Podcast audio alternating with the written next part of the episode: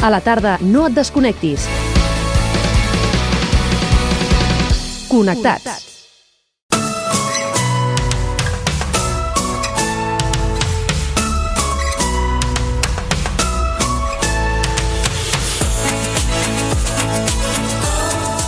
A la Facultat de Lletres de la Universitat Autònoma de Barcelona s'ha presentat un treball de final de grau anomenat Delinqüència i cinema, la temàtica kinky, especialitat espanyola dins del cinema social. Pau Duran, bona tarda de nou. Bona Què- tarda, doncs, ens pots explicar? Del Quirze Casablanques, que el tenim assegut a l'estudi. Gràcies per venir, Quirze. Gràcies a vosaltres per rebre'm. Com et va venir aquest interès pel cinema kinky? Bé, interès pel cinema més o menys sempre n'he tingut. Eh, mm, N'he tingut sobre el cinema social. I jo volia fer un treball sobre cinema social, però eh, això és, un, és una tasca ingent. És molt, és molt gros. Això és una cosa de, de, de molt més calat que el que es demanava per un treball de final de grau. El, quin grau està, has estat estudiant? Perquè ho puc dir en passat ja, no? Sí, esclar, ara sí. Eh, Humanitats. El grau, el grau en Humanitats a la, a la Universitat Autònoma. I com vas decidir de dir, ah, doncs mira, de, de tot el que podria fer, em fixaré especialment en alguna cosa de cinema? Mm, a veure, sobre cinema mm, ja ho tenia decidit que quan fes un treball d'aquest tipus intentaria fer alguna cosa sobre cinema. Ja dic, pensava cinema social mm, però eh, jo mateix em donava compte i sobretot una professora em va dir cuidado que això això és un paquet però un paquet, cinema social. Acota-lo una mica, llavors doncs bueno hi ha un cinema social que és el cinema kinky que és una un cinema que s'ha fet a Espanya, diguéssim, no? o que es va fer a Espanya, i que algú li volia trobar sense èxit un, un contacte amb el, amb el, perdó, amb el neorealisme italià, mm, no se'n van sortir els que van intentar eh, compaginar-ho amb això, perquè és una cosa completament diferent. Va, doncs anem per parts. Explica'ns d'entrada eh, què és el cinema kinky. Bé, eh, o sigui, en- el corpus del treball va ser analitzat tota una sèrie de pel·lícules que entren dintre d'aquesta denominació que més o menys explicaré, però mm, començo per dir que les coses tenen una, una causa i, i, i tenen una conseqüència. El corpus és l'anàlisi de les pel·lícules, però esclar, he d'explicar què passava a Espanya en aquella època, Vinga. perquè és du- Sí, eh, passava doncs que, a veure, hi havia, hi havia gent molt desfavorida, n'hi continua havent, que aquesta és una mica la conseqüència, que llavors doncs eh, eh, es van dedicar al petit i a la llarga no tan petit delicte per poder subsistir. Per exemple, el quinqui és aquella persona que treballava amb objectes de llauna, que reparava eh, cossis, tupins i gibrells, que deien, en, que deien cap a la banda de Lleida. Quincalla, no? De quincalla, sí, sí, de sí, qui- exacte. Sí, sí, sí, sí, sí. De, qui, de quincalla, que precisament és una paraula d'origen francès. Eh, aleshores, doncs, eh, eh, aquesta gent, eh, aquesta professió, no els hi donava per la subsistència, ni molt menys, i, i llavors, doncs, queien en el petit, i ja dic, a la llarga, no tan petit delicte, amb el qual em, sempre acabaven detinguts, i llavors es passaven per robar tres pomes, es passaven tres mesos a la presó, a poma per mes o a més per poma, vull dir, cosa que, que era absolutament exagerada, però això ja rentava la cara a l'estament policial, perquè ells ja se'n cuidaven, saps? T'empresonaven gent que, que simplement era pobra gent, no? Aleshores, a partir d'aquí, la indústria cinematogràfica se li va acudir que això era un tema per fer pel·lícules mm, i algú més aviat se li va acudir que això era un tema per fer diners, o sigui, per fer pel·lícules de molta taquilla però de poc interès artístic. Mm, podem posar el dit acusador, podem posar exemples de dir, per Sí. exemple, aquesta. Sí, o sigui, a veure, començaré per l'exemple contrari. Eh, Carlos Saura va fer un parell de pel·lícules sobre aquest tema amb un verdader interès artístic, inclús et diria que acadèmic.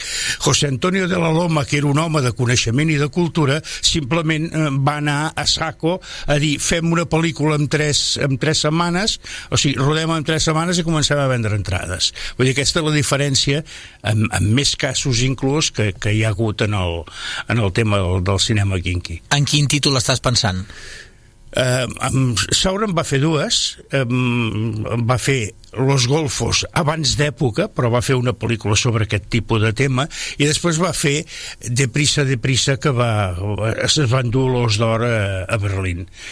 Mm, bueno, eh, llavors eh, tenim... O sigui, en en l'altra vorera dèiem José Antonio de la Loma, doncs, eh, la trilogia de Perros Callejeros, Jo el Vaquilla, aquestes pel·lícules aviam, hem de diferenciar jo el Vaquilla per una qüestió, però eh, aquestes pel·lícules anaven, anaven més a saco, més allò que dèiem abans de la, de la taquilla fàcil. També hi va haver-hi Eloi de la Iglesia, però Eloi de la Iglesia era més fi. Ah, i he dit que s'ha de diferenciar jo el Vaquilla, perquè jo el Vaquilla gairebé, gairebé se li pot donar la categoria de, de documental, perquè es va basar en un diàleg, que no una entrevista, però un, un diàleg del Vaquilla amb el periodista Xavier Vinader, de gran record per mi concretament i per, vaja, crec que per tota la gent de, del país. No? I de fet tenim un mural seu en un centre cívic de exacte, Sabadell. Sí, sí. Exacte. I es dona el cas que jo vaig fer batxillerat amb el Vinader. Ah, sí, eren companys de, de pupitre, com aquell que diu. Home, de pupitre no, perquè ell començava amb B baixa i jo començava amb C, no? Però sí, sí, companys de, de, de batxillerat. Molt bé. El, també el, el, has dit abans, que el que m'he quedat també em dir, aquesta li haig de fer, que eh, algú va intentar relacionar el cinema kinky amb el neorealisme italià. Mm. Com es pot argumentar que aquest, aquesta connexió no era possible? Mm, A veure, eh, no era possible, no era possible perquè el neorealisme italià buscava gent que resolien els seus problemes treballant com burros per feines mal eh, mal remunerades, etc etc. O sigui, i, i, i, el, i el cinema kinky es relacionava amb gent que delinquia. Simplement vull dir aquesta divisòria molt marcada. Per exemple, no sé, a Rosa Marc, no?, de l'Anna Magnani, seria Exacte, per- un dels títols de gent que Sí. està allà deixant-se les banyes... Sí, o, o, o el lladre de bicicletes, no? que al fi al cap un dia va robar una bicicleta perquè ja estava tip de que el perjudiquessin i, i se la va carregar per tots els que havien perjudicat amb ell. No? Uh, M'agradaria que escoltéssim un, un tros no, d'una escena per, Sí. per poder il·lustrar sonorament això que ens expliques Mm. i uh, has triat una escena de l'estanquera de Vallecas. Situa'ns. Bé, eh, a veure, l'estanquera de Vallecas és la última, la última que va fer Eloi de la Iglesia que, mm, o sigui, dintre del, del, tema, del tema kinky, diguéssim, no? I per mi és una pel·lícula monumental, vull dir, és, és aquella pel·lícula que va quedar molt bé perquè eh, a banda de, de, de ben feta, ens estava explicant que el delinqüent, aquest delinqüent senzill, aquest delinqüent que per poder-se pagar un, una dosi eh, assalta un estanc, en el fons és, és un ésser humà amb sentiments i, i, i totes les coses, totes les altres coses que tenim els éssers, els éssers humans, no? I, i aquesta, aquest tall concret ho demostra en certa manera eh, perquè és un moment que entre segrestador i segrestada aflora una certa tendresa, no? perquè són dos, ser- dos éssers humans. Us posem en situació. S'ha produït aquest atracament, eh, estan a dintre eh, els dos segrestadors amb les dues persones que hi havia dintre de l'estanc i estan segrestades, i durant aquest temps eh, de- d'espera, on ja se sap que estan allà dintre i estan esperant que passin coses, ha aquest diàleg. Si es que me da esta risa. Pero... Si yo tuviese 20 años menos y 20 kilos menos, ¿sabes? Qué tontería. ¿Qué? ¿Sabes lo que te pediría? No. Pues te pediría que me abrazaras.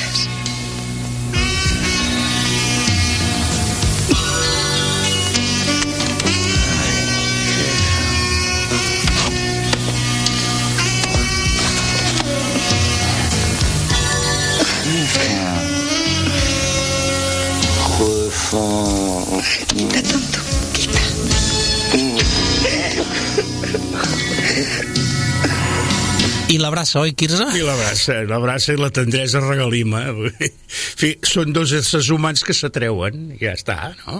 I no, no té res a veure que aquella senyora tingués 20 anys de més i 20 quilos de més. Vull dir, Se li feia atractiva a l'altre. Ja està. Aquest seria el, el, el cinema kinky bo, diguem-li, no? Sí, sí, Sí, perquè aquests, aquests van, van, van assaltar un estanc i el que volien era endur-se el- els diners que hi havia a caixa i no volien fer mal a ningú. No, ni, ni volien prendre mal a ells, eh? Simplement era això, no? Una referència mm, molt destacada i que us recomanem que a la que pugueu, si és que no ho heu fet ja alguna vegada, perquè la pel·lícula també sé que té uns anys, mm. eh, val molt la pena, realment. Mm. Um, més o menys t'atreviries a dir quin període abasta el cinema kinky, allò per dir, més o menys... Eh, eh, o sigui, tinguem en compte que el cinema kinky eh, neix una mica amb la Constitució espanyola. En realitat, la primera, la primera pel·lícula de, de la Loma és del 77 i, i, i hem de dir doncs, que les, les dues que jo també les hi considero però que potser quedarien temporalment fora del tema són les dues que va fer el Vicente Aranda que les va fer el 1987 i 1988 però um, o sigui a partir de, de, de llavors venen seqüeles. Aquestes dues de l'Aranda que són El Lute Camina o Revienta i El Lute 2 Mañana Seré Libre, simplement eh, jo les incloc en el treball com a, com a peces de cinema kinky perquè hem, o sigui, ens, ens retraten biogràficament l'Eleuterio Sánchez, o sigui, el Lute, que va ser el kinky per antonomàcia, o sigui, l'antiheroi popular. En- No sé què en penses, a mi aquestes recordo fins veure-les al cinema i aquestes em van agradar molt. Mm, sí, sí, sí. No, no, no, a veure, que, aquestes... Cuidado, aquí, aquí ja vam fugir de l'actor no professional, vam anar a buscar precisament actors professionals i de gran calat. Eh, tenim la Pastora Vega i l'Imanol Arias, doncs que fan uns... La Terele Pávez està incommensurable per mi, és de lo milloret que ha fet una actriu com la Copa de un Pino, el que passa és que, és clar només ha treballat a Espanya, saps? Bueno, en fi. Aquestes Sí, coses. sí, Aquella aquestes- època que només parlava anglès, em sembla que era el, Fernando Rey, no? O Eh, algo sí, així. sí, i encara bastant forçadament, no? Sí, Molt bé. sí, sí. El, ens deies, per exemple, que una de les característiques de l'inici era aquest fet de no ser professionals els actors? Sí, a, a veure, això eh, jo, crec, jo crec que de cara a aquella taquilla fàcil això li afegia morbositat a la pel·lícula. És que realment els, els actors no són actors, són els, els mateixos delinqüents que fan de si mateixos. Va. Fi, però això també feia una disminució del, del, del, de la qualitat de la actoral bastant marcada, o sigui, excessivament marcada en molts casos. No sé si el, tens més títols al cap, perquè ara penso, hi ha unes, em sembla, del personatge que és el, el Torete, em sembla, un que també... Sí, aquest, aquest hauríem... Eh, eh, o sigui, aquest és el que completa la, la trilogia del, del de la Loma, eh, Perros Callejeros, Perros Callejeros 2, i Los últimos golpes del Torete seria Perros Callejeros 3, perquè els delinqüents són els mateixos. Es van, es van explicant diversos episodis de- d'aquests d'aquests delinqüents. És que recordo que a l'època eh, hi havia com una mica de confusió entre si el Torete i el Vaquilla eren el mateix, Bueno, que- o cosins germans... és que, és que el, el, a, a, ara no sé si ho diré del dret o del revés, però no sé si va ser el Torete que va fer de Vaquilla o el Vaquilla que va fer de Torete. Però, o sigui, inclús, saps? O sigui, va fer de si mateix i va fer de, del, del seu parent, que al fi al cap eren, eren parents. I el, el, ara estic pensant, mm, clar, en el temps, en aquesta dècada llarga que ens has marcat, Mm. això acaba coincidint amb el cinema del Destape, que se li va dir? Eh, aquí jo hi vaig posar-hi un capítol a part en Sí? el treball perquè la gent tenia tendència, com que van coincidir temporalment, la gent tenia tendència a confondre-ho. Vull dir, als 70 eh, eh, l'estat espanyol va, o sigui, mm, va fer desaparèixer la censura. A, a Itàlia i a Alemanya i a França la censura va desaparèixer després de la Segona Guerra Mundial. Aquí ens vam haver d'esperar una mica més. Llavors, doncs, tot es barrejava, no? I, i, i llavors hi havia, hi havia pel·lícules que quedaven a cavall entre el cinema kinky i el cinema de destape i, i n'hi ha una concretament, ja explicaré quina és, que quedava a cavall entre el cinema de destape i el cinema pornogràfic. És allò que deies, on estem, no? Segons quin qui t'ho comentava, et deia això és desdanyable perquè és pornografia i segons qui deia no, és una mica atrevida. En fi, saps que vull dir que l'opinió és lliure i, i anava com anava. Aquesta, aquesta era concretament del, de l'Iquino, eh, Los violadores de l'amanecer, que a més a més no se la podia considerar kinky perquè aquella gent no anaven a buscar diners per subsistir, sinó que anaven a divertir-se. Simplement caçaven una noia que anava a treballar a primera hora del matí i la violaven i ja es havien divertit. Simplement el tema era aquest, diguéssim. I tan dolentes com les dolentes del kinky o hi ha algun títol... Potser aquesta mateixa no és tan dolenta, però el que és és molt crua, és molt dura de... Tu has de tenir en compte que hi, hi apareix un home d'extracció xabolista que vivia en un barri de... però que prostituïa a la seva filla amb, eh, que, eh, o sigui que en aquell moment estava embarassada o sigui, eh, ja dic, vull dir, era, era de morbositat la que vulguis no? I inclús el, el germà d'aquesta noia que estava embarassada li buscava clients el cas, el cas és que la, la Alicia Orozco que és l'actriu la, que feia aquest paper en realitat estava embarassada quan, va, quan van rodar aquesta pel·lícula no, no, no ho va simular, no estava embarassada tenia un bon bombo quan... i era un bombo real eh? cosa, cosa que sap greu greu perquè eh, bueno, em pressuposa un maltracte a l'estament femení no? A mi em pesa molt això mm, com a mínim podem fer allò que la mirada enrere no? Mm. tampoc una passada però bueno, alguna cosa sembla que, que sí que haguem fet una mica de camí no? sí, potser sí, potser sí Quirze Casablanca és molt interessant. Moltes gràcies per venir-ho a compartir no, al Connectats. Gràcies per deixar-me venir. Molt bé. Ja ho sabeu, al cinema Kinky. Doneu-li un cop d'ull que hi ha alguna cosa realment interessant a veure.